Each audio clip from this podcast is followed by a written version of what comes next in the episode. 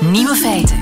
Dag, dit is de podcast van Nieuwe Feiten van 15 november. In het nieuws vandaag dat in Japan de minister van Cybersecurity heeft moeten toegeven dat hij geen idee heeft wat een USB-stick is. Iemand van de oppositie die had hem in een debat in het parlement gevraagd of er in Japan in de kerncentrales USB-sticks worden gebruikt. En na een genante stilte vroeg de 68-jarige minister: US wat? Zelf raakt de man namelijk nooit een computer aan. Zijn personeel doet dat in zijn plaats. Verbazing en verbijstering alom, maar intussen is de minister van Cybersecurity maar mooi niet te hacken. Zelfs niet door Inti de keukenleren. De andere nieuwe feiten. Theresa May verdedigt haar Brexit-akkoord in het parlement terwijl haar regering leegloopt. Op een Egyptische piramide ligt een Vlaams kunstwerk. Een architect bouwt voor zichzelf een echt glazen huis. En mevrouw Trump ontslaat een medewerker van meneer Trump. Veel plezier. Radio, Radio 1. Lieven van den Houten. Nieuwe feiten. Nieuwe feiten. Triomf gisteren voor Theresa May. Tegen alle verwachtingen in schaarde haar regering zich achter dat voorlopige moeizaam bereikte Brexit-akkoord. De volgende horde is het parlement dat ze zo pas toesprak. Mr. Speaker, what we agreed yesterday was not the final deal. It is a draft treaty. It's not. It is a draft treaty that means that we will leave the EU in a smooth and orderly way on the 29th of March 2019. Lia van Beckhoven, goedemiddag. Goedemiddag, lieve. Onze vrouw in Londen ging niet zo goed, hè? Ja, toen ze zei dat het uittreden uit de EU glad en ordentelijk gaat verlopen. Dat dat het hoongelach, hè? Ah, pijnlijk. Ehm, ze begon mee vanochtend met het uh, slijten van haar deal van het Brexit-akkoord aan het parlement. dit was de eerste fase. Uh, ze begon met uitleggen hoe moeilijk het was geweest de deal te sluiten. maar dat er in ieder geval een speciale relatie met de EU op papier stond. Een conceptakkoord benadrukte ze. En dat de Britten nu speciale toegang verschaft is tot de EU die andere landen niet hebben en dat de deal in het beste belang is van het land. Ja, en ondanks uh, dat hongelach uh, ja? eindigden ze toch redelijk vastberaden, hè? So, Mr. Speaker, the choice is clear. We can choose to leave with no deal. We can risk no Brexit at all, or we can choose to unite and support the best deal that can be negotiated. This deal, a deal that ends free movement, takes back control of our borders, laws, and money, and delivers the Brexit the British people voted for. I choose to deliver for the British people. I choose to do what is in our national interest. Ja, ze, ze was toch vastberaden. Heeft ze die eerste nou, indruk nog kunnen rechtbreien? Nou, nee of niet. Kijk, ze heeft altijd gezegd: het is no deal of het is mijn deal. Dat is de keuze. Of het een of het ander. Of mijn akkoord of chaos, want dat is no deal. Nu hoor je, hoor je haar zeggen: de keuze is niet alleen no deal of mijn deal de keuze is no deal, mijn deal of helemaal geen brexit. Dus de status quo handhaven en in de Europese Unie blijven. Uh, dit doet ze natuurlijk om haar achterban op uh, uh, het hart te drukken dat haar akkoord de beste kans is, de enige kans is om uit de Europese Unie te stappen. Maar anderen zeggen: nee, wij vinden dit wel prima. Wij hebben graag die keuze dat geen Brexit ook mogelijk is. Dus vandaar dat je met de situatie nu steeds meer stemmen hoort opgaan die een tweede referendum willen. Je moet er niet aan denken, maar dat is echt zoals het er nu uitziet. Ja. Intussen, dat dat ja. een optie is. Er zijn veel opties. De, de, voor, voor, dit, voor wat er zich nu hier afspeelt, is geen, is geen scenario. Geen scenario. We, uh, nee. de, de, hoogspanning is uh, echt heel erg uh, hoog. Intussen loopt daar. Car crash in wording. car crash in wording. In slow motion. In slow car motion. Crash in slow motion hoorde ik iemand zeggen. Ja. Intussen loopt haar regering leeg, hè? Ja, uh, ik heb het uitgerekend. Volgens mij zijn er nu 18 ministers en staatssecretarissen die afgetreden zijn over Brexit. Uh, vanochtend alleen al vier. Uh, niet allemaal zijn ze belangrijk hoor. Ik bedoel, een Britse regering kan 100 ministers en staatssecretarissen en tassendragers en onderministers en onder onderstaatssecretarissen hebben. Maar um, de status van uh, de minister die vanochtend het eerste aftrad, Dominic Raab, dat is wat anders. Dat was de minister voor Brexit-zaken. Ja, de man dus die het allemaal heeft onderhandeld. Ja, de architect. Precies. De architect loopt de weg. architect van het akkoord. Ja. En die gooit na vier maanden zijn bijltje erbij neer. En hij loopt weg van zijn deal. En hij laat anderen dus um, uh, de boel opruimen. Ja. En de struikelblok En hij is, doet is... dat omdat, omdat hij zei: Dit is niet mijn deal. Dat zou hij tegen vrienden gezegd hebben. He, hij was uh, minister in naam. Uh, het hele akkoord, het hele Brexit-akkoord, uh, was werd geleid door Downing Street.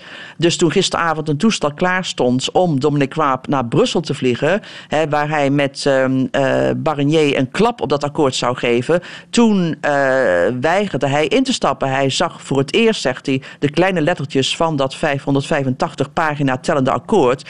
Uh, kreeg het dus voor het, voor het eerst, had het voor het eerst onder ogen gekregen, enkele uren daarvoor. Um, en weigerde in te stappen. Dus dat toestel bleef aan de grond staan. Hij sliep er een nachtje over en besloot vanochtend: nee, dit gaat te ver, hier kan ik me niet mee verenigen. En stapte op. En het probleem is dan die uh, zogeheten backstop, dat vangnet dat ervoor moet zorgen dat ja. de Ierse grens hoe dan ook open blijft. Open blijft. En die backstop beschouwt hij en met hem vele andere ja. harde Brexiteers, ontevredenen, als een feitelijke no-Brexit. Precies. Kijk, de, uh, de backstop hoeft, probeerde mee haar uh, partijgenoten te overtuigen, zojuist in het parlement, hoeft nooit ingevoerd te worden. Uh, als er bijvoorbeeld een overgangsperiode komt die verlengd gaat worden, dan hoef je niet terug te vallen op de backstop. Maar waar het probleem zit, is dat om de Ierse grens open te houden, het hele Verenigd Koninkrijk in de douane-Unie zit en Noord-Ierland in delen van de interne markt. En dat betekent dat als de Britten uit die douane-Unie willen na verloop van tijd, niet zij dat kunnen beslissen, maar afhankelijk zijn van uh, Brussel, die daarmee ook akkoord moet gaan. En dat is een hele, hele moeilijke uh, hap om te slikken voor de Brexiters uh, in May's partij. Houdt zij het vol? Ja, uh, ze wist van het mogelijke aftreden van haar ministers. Uh, ze weet ook dat as we speak uh, er genoeg stemmen zijn uh, van fractieleden uit haar partij voor verkiezingen voor een nieuwe leider. Uh, dus ze weet dat er plannen zijn om haar af te zetten. Maar wat ze wil, en dat zou ze gezegd hebben, is dat ze kost wat het kost aan wil blijven. Uh, ook al heeft ze de, het geloof en het vertrouwen verloren van een groot deel van haar partij om dat Brexit-akkoord door het parlement te loodsen. Dat, zie als, dat ziet ze als bijna haar heilige plicht. Ah, haar heilige plicht, maar of dat zal lukken, dat kan op dit moment niemand zeggen. En niemand weet hoe groot de kansen zijn. Nee, dat weet niemand. Niemand weet dat, uh, of dit uh, akkoord er sowieso doorkomt door het parlement. En niemand weet of premier May dit zal overleven. En daar gaat de telefoon alweer in Londen. Drukke dagen, de sfeer van de grote dagen in uh, Londen. En ook bij Lia van Beckhoven thuis. Dankjewel, Lia. Goedemiddag. Graag gedaan. Nieuwe feiten. Zou u in een glazen huis kunnen wonen? Wel, ik ook niet. Maar Koen van der Wallen die is het wel van plan. Goedemiddag, Koen. Goedemiddag. Koen, je bent architect en bewoner in Spee van een volledig glazen huis. Dat is letterlijk een glazen huis, toch? Hè? Het is een uh, glazen huis waar het een uh, volledige woning ingebouwd staat. Het is een huis in een glazen huis. Een serre ja. over een huis, een stolp. Een glazen een stolp, over een huis gezet. Klopt. Daar ga jij in wonen. En uh, ga je dan in de winter moeten verwarmen? Uh, nee, bijna niet. Wauw. Dus de, de, zon zal de woning uh, in een aangenaam microklimaat plaatsen en de verwarming zal bijna marginaal worden. Zij, en in de zomer? In de zomer is de serre erop voorzien dat zij volledig open kan gemaakt worden, zodanig dat wij een flinke tocht kunnen creëren en dat wij die warmte zo vlug mogelijk kunnen afvoeren. Ah, er zit, er zit geen airco in de serre? Nee, nee, nee, nee, geen airco? Nee, nee, dat is niet, Niet nodig? dat is niet haalbaar. Niet haalbaar. Maar ja, ik had deze zomer moeite om de temperatuur eh, binnen onder de 30 graden te houden. En ik zit niet in een glazen huis. Ja, maar onze bouw is eh, voorzien dat het heel goed tegen de warmte kan. Het is ook volledig, volledig wit gemaakt, zodat het dus zo weinig mogelijk opwarmt. Eh, en de, de warmte die we in de serre binnenkrijgen, gaan we in de zomer constant, constant afvoeren. Dus we gaan eigenlijk ook constant een tocht creëren eh, rond de woning heen. Eh, dus we gaan eigenlijk in, in de zomer kunnen ons eigen windje, ons eigen Ik vind het toch spannend hoor.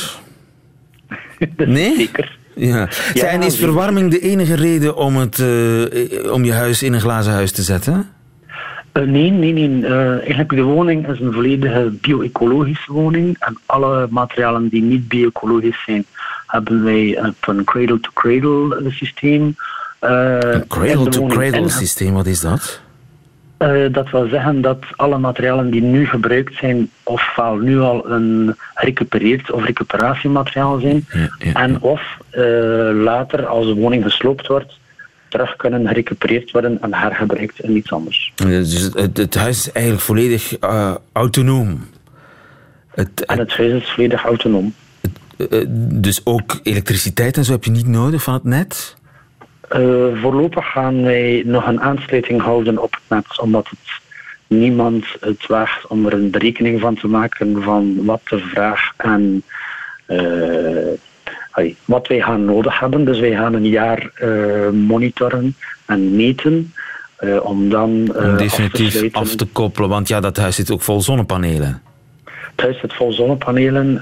Wij gaan ook kijken om misschien nog een, een paar kleine windmolentjes te plaatsen. Eh, zodanig dat we, als er geen zon is, ook een productie hebben van elektriciteit. Ik probeer, Eh. ik probeer de foto in mijn hoofd te maken van een glazen huis vol windmolentjes. Nee, nee, nee, nee. niet vol wind, twee kleintjes maar. Ja, ja. Is het ook Ja. mooi? Want een architect wil ook natuurlijk een mooi huis maken. Eh, ik vind het een mooi huis. Maar ja, smaken verschillen. En staat het er al? Half. Het staat er al. Ah, het staat er al, Nee, de ruwbouw, de ruwbouw is volledig geplaatst. De technieken eh, zijn geplaatst. En vandaag, morgen wordt de chappen geplaatst. En binnen twee weken begint de prozo de stucadoor. Dus eh, het is er bijna volledig. Mijn technicus wil iets zeggen. Wat wil je zeggen, Michel? Zeg het. En, en vogels, als die daar tegen vliegen, tegen dat glas? Ah, goeie vraag, Ah, Michel. ja. ja, maar vogels vliegen tegen het glas omdat ze meestal een, in andere woningen gebeurt dat omdat ze een, licht kunnen zien aan de andere kant van het gebouw. Maar ons gebouw is eigenlijk eh, langs de ene kant eh, hebben we heel veel bomen, zodanig dat de vogels best wel het gebouw kunnen waarnemen en er eigenlijk perfect rondvliegen. Wat dat we wel al gehad hebben, is dat de schuifdeuren openstaan en dat er een keer een vogel binnen zit. En dat duurt dan ja, 20, 30 minuten tegen dat hij eh, zijn weg terug naar buiten vindt. Ja, maar dat, dat is eh, overbrugbaar. Mijn huis is is waar mijn serre staat. Ik wens je heel veel succes en ik zou toch graag volgend jaar eens eh, horen hoe het gegaan is in de zomer. Dankjewel. Geen probleem, zeker welkom. Dank En succes met het glazen huis. Koen, architect Koen van der Dank in zijn serrehuis. Zijn glazen huis.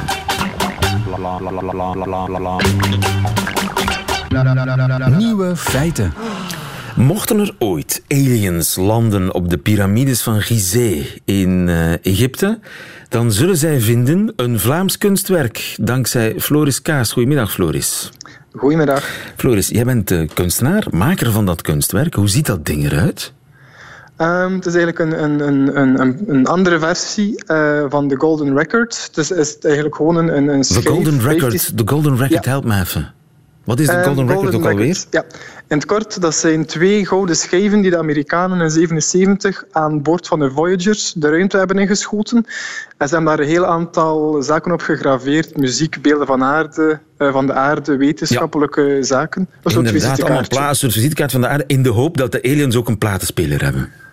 Ehm, er, was een, en er- waren instructies meegeleverd om, Om zo'n elkaar te te maken. Ja. In het Engels. Eh, en dat was een, een, de taal van de wetenschap en dat is wiskunde volgens mij. Dus... Een gebarentaal tekenen. Maar goed, Ja, in ieder geval, het idee was het, het visitekaartje in de ruimte. En jij hebt daar je eigen versie van gemaakt. Ja, maar dat klopt. Eh, toen dat ik die, die beelden zag die op die Golden Record, op dat visitekaartje stonden, dan vond ik dat eigenlijk alles behalve representatief van hoe dat we eigenlijk vandaag met de, met de aarde omgaan. Het tweede punt was ook dat die Voyagers tienduizenden jaren gaan moeten vliegen, alvorens dat ze ook nog maar in de buurt komen van een ster. En dan moet je nog geluk hebben dat er daar iets zit dat dat kan interpreteren en kan terugsturen. En ik dacht van, kijk, tegen die tijd gaan we er al niet meer zijn. Zeker niet als we blijven doorgaan zoals we nu bezig zijn. En dus lijkt het mij misschien ook poëtisch en interessant om ergens op aarde ook een boodschap na te laten die effectief zegt van kijk, we zijn er niet meer en dat is er met ons gebeurd. En wat heb je op die plaat gezet dan, dat er met Ja. ons gebeurd is? Het is een, een, een tekst in het Engels, omdat ik, ehm, dat is misschien wel interessant om te weten, mijn bedoeling helemaal niet is om rechtstreeks met aliens te communiceren, want ik geloof er zelf niet in en aliens spreken ook geen Engels. Het is eigenlijk een onrechtstreekse manier om onder het mom van een boodschap na te laten voor aliens, dat ik met de mensen van vandaag wil communiceren natuurlijk. Maar de boodschap zelf, daar staat er in het kort op dat we eigenlijk het, het slachtoffer zijn geworden van ons eigen ja, evolutionaire succes. En dat eh, onze eigen menselijke natuur onszelf eigenlijk in de weg stond om de, de globale en de heel complexe problemen die we aan het creëren zijn en in de toekomst gaan blijven creëren, om daar een antwoord aan te bieden. Ja, ja, het lijkt een boodschap voor aliens, maar het is een boodschap voor ons allemaal. Eh, ja, het is eigenlijk een, een manier om op een misschien een, een negatieve en een lugubere manier toch wel de mensen de spiegel voor te houden. Ehm, omdat ik er ook ergens wel van overtuigd ben dat mensen, of de mens, effectief alleen maar actie zal ondernemen als, als de persoon, als de mens zelf daar eh, de, de gevolgen eh, van, van zal beginnen voelen. Nu, jouw kunstwerk, dat heb je dan op een piramide gelegd. Waarom? Ja, dus eh, toen ik die, die schijf gegraveerd had, toen dacht ik van oké, daar gaat er geen eh, haan naar kraaien, naar een Vlaamse kunstenaar met een schijf. Nee. Toen dacht ik van oké, zal een, niet eh, bellen. Nee, inderdaad niet.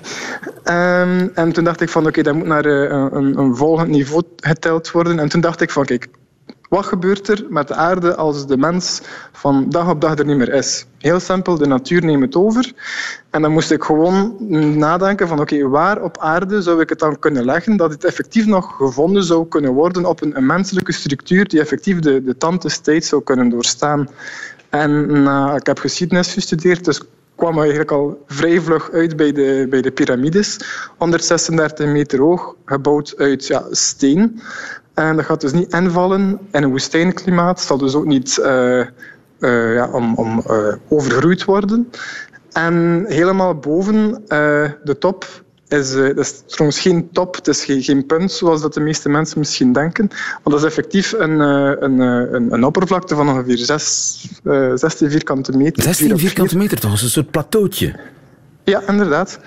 Ehm, en daar had ik via eh, en in mijn research gezien dat er op dat plateau een, een, een bij wijze van spreken een soort driehoek was, die ehm, eigenlijk een soort dal in dat klein plateautje. En ik wist van als ik hem daar kon inleggen, dat die, als de mens er met geen helikopter naartoe vliegt om hem weg te halen, dat hij er effectief voor de rest van de tijd gaat gaat blijven liggen. Hij, hij zal niet wegwaaien. Nee, want hij is langs twee kanten beschermd door, eh, door grote stenen.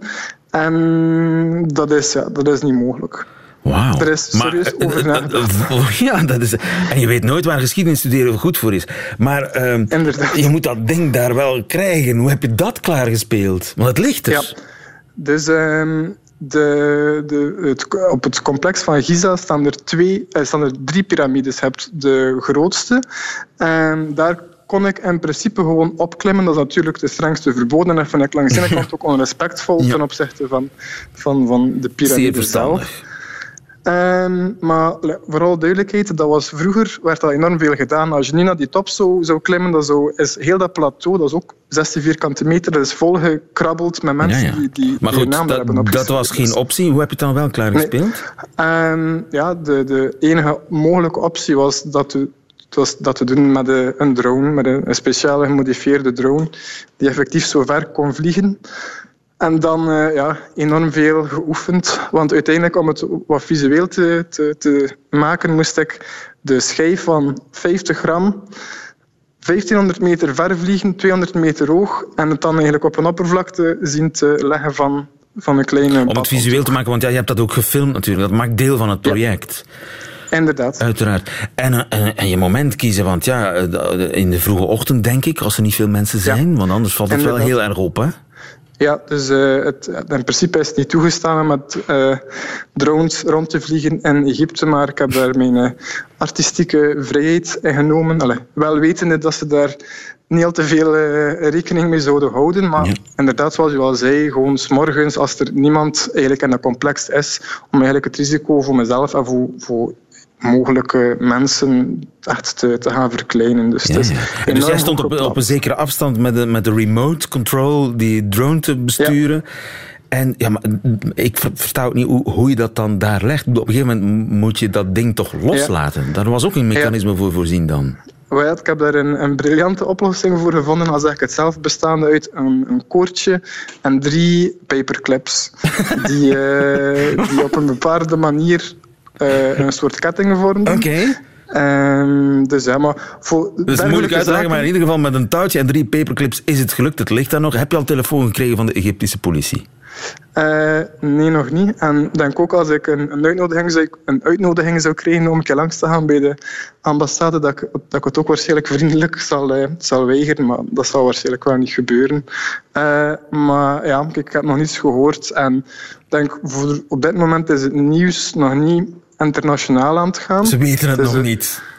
ja, ja, inderdaad. En het punt is ook, het, de, de reden dat dat het naar buiten komt, is omdat ik het naar buiten breng. Als ik gewoon niets had gezegd, dan ging dat daar effectief gewoon gebleven zijn. Maar zoals ik al zei, het is de boodschap en het, het concept ja. dat ik met de mensen wil delen. En ja, dan, ik ben dan benieuwd, moet inderdaad. Uh, we zijn het altijd, maar nu ben ik wel extra benieuwd wat de Egyptische overheid met de, jouw kunstwerk gaat aanvangen. Het Vlaamse kunstwerk dat op de Gizeh-pyramide ligt. Ik ben trots ja. op je, Floris Kaas. Dankjewel. Goedemiddag. Dankjewel. Goeiedag. Nieuwe feiten. Radio 1. Als Trump zelf geen mensen ontslaat, doet zijn vrouw het kennelijk in zijn plaats. Michiel Vos, goedemorgen vroeg daar in New York. Dag lieve. Melania Trump. Ja, Melania Trump heeft kennelijk uh, een van de topmedewerkers van haar uh, echtgenoot het Witte Huis uitgewerkt. Mira Ricardel. Wie is Mira Ricardel en wat deed ze eigenlijk?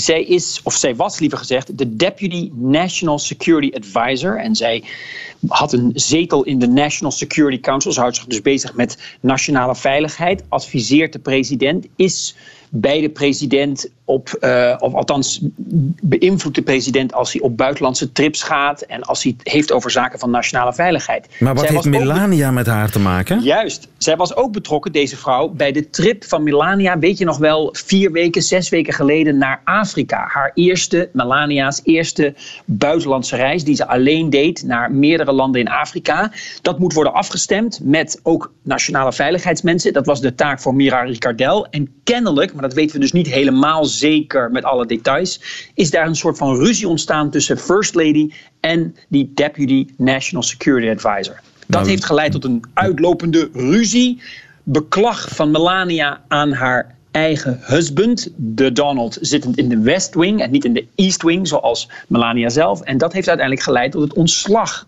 nu van die Mira Ricardel. En weten we waar die ruzie over ging? Die ruzie ging zeer waarschijnlijk, dit is allemaal een beetje gissen, maar gaat waarschijnlijk, ging waarschijnlijk over hoe Melania per vliegtuig van het ene land naar het andere land tijdens die Afrikaanse trip zou worden vervoerd. Hoeveel stoelen er in het vliegtuig daarvoor zouden zijn gereserveerd. Of die Mira Ricardel in de delegatie van Melania zou worden opgenomen. Ja, dan wel nee. En hoeveel ja, laten we zeggen, resources, dus hoeveel ehm, bijstand Melania zou krijgen vanuit de verschillende Amerikaanse ambassades ter plekke in Afrika tijdens haar trip. Nou, daar wordt dan een beetje over geknokt. Hoeveel moet zo'n First Lady worden bijgestaan hè, door, eh, laten we zeggen, Amerikanen ter plekke in die landen? Daar was kennelijk een misverstand over, een ruzie over tussen beiden. En toen op een gegeven moment in een interview in Afrika zei Melania al dat ze sommige mensen die in het Witte Huis werkten voor haar man niet vertrouwde. Het ging over trust, vertrouwen. En dat zou erop duiden dat ze niet blij was met enkele stafmedewerkers, waaronder dus later bleek deze Mira Ricardel. Has he had people that you didn't trust working for him? Yes, Did you let him know? I let him know. And what did he do? Well, some people they don't work there anymore, and um, it's very difficult sometimes because I'm so busy with my my office. I don't get involved with West Wing. I don't get involved in West Wing, maar kennelijk soms dus wel. Ja, even later dus wel. De theorie is dat ze zich een paar keer heeft beklaagd bij Donald Trump, laten we zeggen en privé, van luister, die vrouw moet eruit, die vrouw heeft mij dwars gezeten, die vrouw functioneert niet. Nou is er wel meer kritiek op die vrouw, bleek later. Dus Melania was waarschijnlijk niet de enige. Dat heeft tot niets geleid. Donald wilde haar kennelijk niet ontslaan. En toen heeft Melania de zeer ongebruikelijke stap genomen om publiekelijk te zeggen: deze vrouw of sommigen no longer deserves the honor of serving in the White House. Ja, dat is gigantisch, hè? Dat de East Wing zegt wat Juist. de West Wing moet doen. Dat is nog nooit Ja. gebeurd, volgens mij. Dat is nog nooit gebeurd. De West Wing, dat weten we allemaal, is natuurlijk in charge. Daar zit de president, of dat nou een man of een vrouw is. En de East Wing, of dat nou een man of een vrouw is, ja, is ondergeschikt eh, aan de West Wing. De West Wing, daar gebeurt het. Dat is het hoofd van de regering, het hoofd of the executive. De East Wing laat zich nooit met dit soort beleidsbeslissingen in. Natuurlijk. Eerdere first ladies hebben wel degelijk zich beklaagd over allerlei beleidszaken. Hillary Clinton was zeer betrokken, met name in het begin van het presidentschap van Bill Clinton. En ook Michelle Obama, weten we, die heeft zich wel bemoeid met dossiers, met zaken, Maar met nooit met mensen. personeel. Nancy Reagan wel, maar Nancy Reagan bijvoorbeeld wel met mensen, maar niet publiekelijk. Altijd achter gesloten deuren. Want we, de Amerikanen, kiezen nou eenmaal geen first lady of first man. We kiezen een president. Ja. Het blijft wel een raadsel, die Melania. Aan de ene kant is ze bijzonder discreet. Je zegt nooit iets. Ze is vol- volkomen geur en smaakloos. Ze heeft geen, eh, geen goede doelen waar ze zich achter schaart. Ze heeft geen profiel. En nu dit. Nauwelijks. Nee, nauwelijks. Nauwelijks profiel. Iemand die zich een beetje bezighoudt met tuinieren. Iemand die zich bezighoudt met cyberbullying. En zichzelf tijdens datzelfde interview, waar je net een stukje uit liet horen, the most bullied person in the world liet noemen. Nou, dat, of noemde, liever gezegd. Dat leidde tot meestal gegrinnik, want zij is toch getrouwd met de biggest bully, vinden veel mensen in de wereld. Ja, Melania is niet een vrouw, dat weten we allemaal. Ze wilde dit niet. Ze wilde eigenlijk geen first lady worden. Ze heeft dat lang uitgesteld. Ze heeft lang eh, besloten om in New York te blijven wonen met haar zoon. En ze is niet iemand die graag in het publiek treedt. Ze is niet iemand die graag optreedt, zoals bijvoorbeeld Michelle Obama in de Ellen DeGeneres Show of bij late night talkshows. Of zoals Hillary Clinton natuurlijk, die heel aanwezig was. Dat is Melania niet. Melania praat matig Engels geeft nauwelijks, ik geloof een handjevol campagnespeeches heeft ze gegeven waarin ze dan iets zegt, zoiets als I'm very proud of him, he's hard worker, over haar eigen man. He's kind, he has great heart, he's tough, he's smart. Dat is het dan zo'n beetje. Ze blijft bij platitudes. Het is niet een vrouw die, althans publiekelijk, bekend staat als een, als een spreker of als iemand die gemakkelijk zich beweegt in het Washingtonse. Het blijft een raadsel. Juist, een enigma. Zoiets als eh, wat je kunt vinden in Egypte, bijna. Een Fata Morgana, zou ik bijna zeggen. In goed, Egypte niet- vind je meer dan, eh, dan Vlaamse kunstwerken. Misschien wel eh, Juist. de geest De van geest Melania. van Melania. Wie weet. Juist, heel goed, lieve. In New York. Dankjewel, Michiel Vos. Geen, dank. Nieuwe feiten. Middagjournaal. Goedemiddag. Hoog tijd om het te hebben over fietsen, hè, een tak van sport en vrije tijdsbesteding, waarmee ik toch een deel van mijn boterham verdien door er onder meer over te praten. Nu, Wout van Aert, de drievoudige wereldkampioen in het veldrijden, heeft te veel spieren. Zo liet hij zich onlangs ontvallen. Mijn lichaam kweekt nogal snel veel spieren en we, zei hij, mijn begeleiders en ik, kunnen dat maar moeilijk onder controle houden. Ja, was het maar waar, dacht ik bij mezelf, extra spieren in plaats van dat buikvet waarop een halve afdeling verpleegkunde zich subcutaan zou kunnen uitleven. En zo gebeurde het dat ik op de mountainbike sprong voor een tocht langs de Demer tussen Testelt en Aarschot. Ik woon in Scherpenheuvel, dat mag u gerust weten, ook al heeft dat voorts niets te maken met dit middagjournaal. Het is daar prachtig draaien en keren langs die meanderende Demer. Vooral bekend door de naakte zwempartij van de Witte van Zichem. Toen kon dat nog. Mijn gedachten dwaalden af bij al die natuurpracht, tot ik in de verte een andere mountainbiker zag naderen. En misschien bent u ook wel een fietser, misschien zelfs een sportieve fietser, wie weet, een wielertourist of zelfs nog meer. Ja, dan is het u ongetwijfeld ook al eens opgevallen dat wielertouristen elkaar bijna nooit begroeten bij het passeren. Is dat dan echt te veel gevraagd om even hey of yo te roepen? Ik begrijp het echt niet, want bij motorrijders gebeurt dat wel. Even die hand omhoog, hè, rustig, cool. Motorbroeders, yo, je hoort erbij, jij en ik, simpele begroeting. En ik kwam op gelijke hoogte van mijn tegenligger en riep: Goeiedag! Ik zag nog net vanuit mijn ooghoeken dat de man schrok, omdat iemand hallo zei. Drie bochten verder kreeg ik een nieuwe kans, opnieuw een man, zonder helm nu, maar met een Freek de Jonge-achtige bril op de neus. En nu riep ik al van op vijf meter: Goeiedag! Zodat deze meneer zeker niet hoefde te schrikken. Alweer geen reactie. En geloof me, dit zijn geen alleenstaande gevallen. Wielentouristen begroeten elkaar raar of zelden. En het straffe is, ik heb er echt geen verklaring voor. De winter staat voor de deur, het fietsseizoen loopt op zijn einde, maar mag ik bij deze al een warme oproep doen voor de komende lente? Nu al. Yo of hey is genoeg en ja, ik hoor je al denken, hier zie, het is nog maar zijn vierde middagjournaal en meneer zwaait al met het vingertje. Ja, dat klopt helemaal, maar dit had ik al heel erg lang op mijn lever. Ik fietste voort en aan de overkant van de Demer liep een oudere vrouw met haar Mechelse herder. Ze waren samen aan het wandelen. De hond bleef staan en de vrouw wuifde, zomaar. Ik zwaaide terug en glimlachte.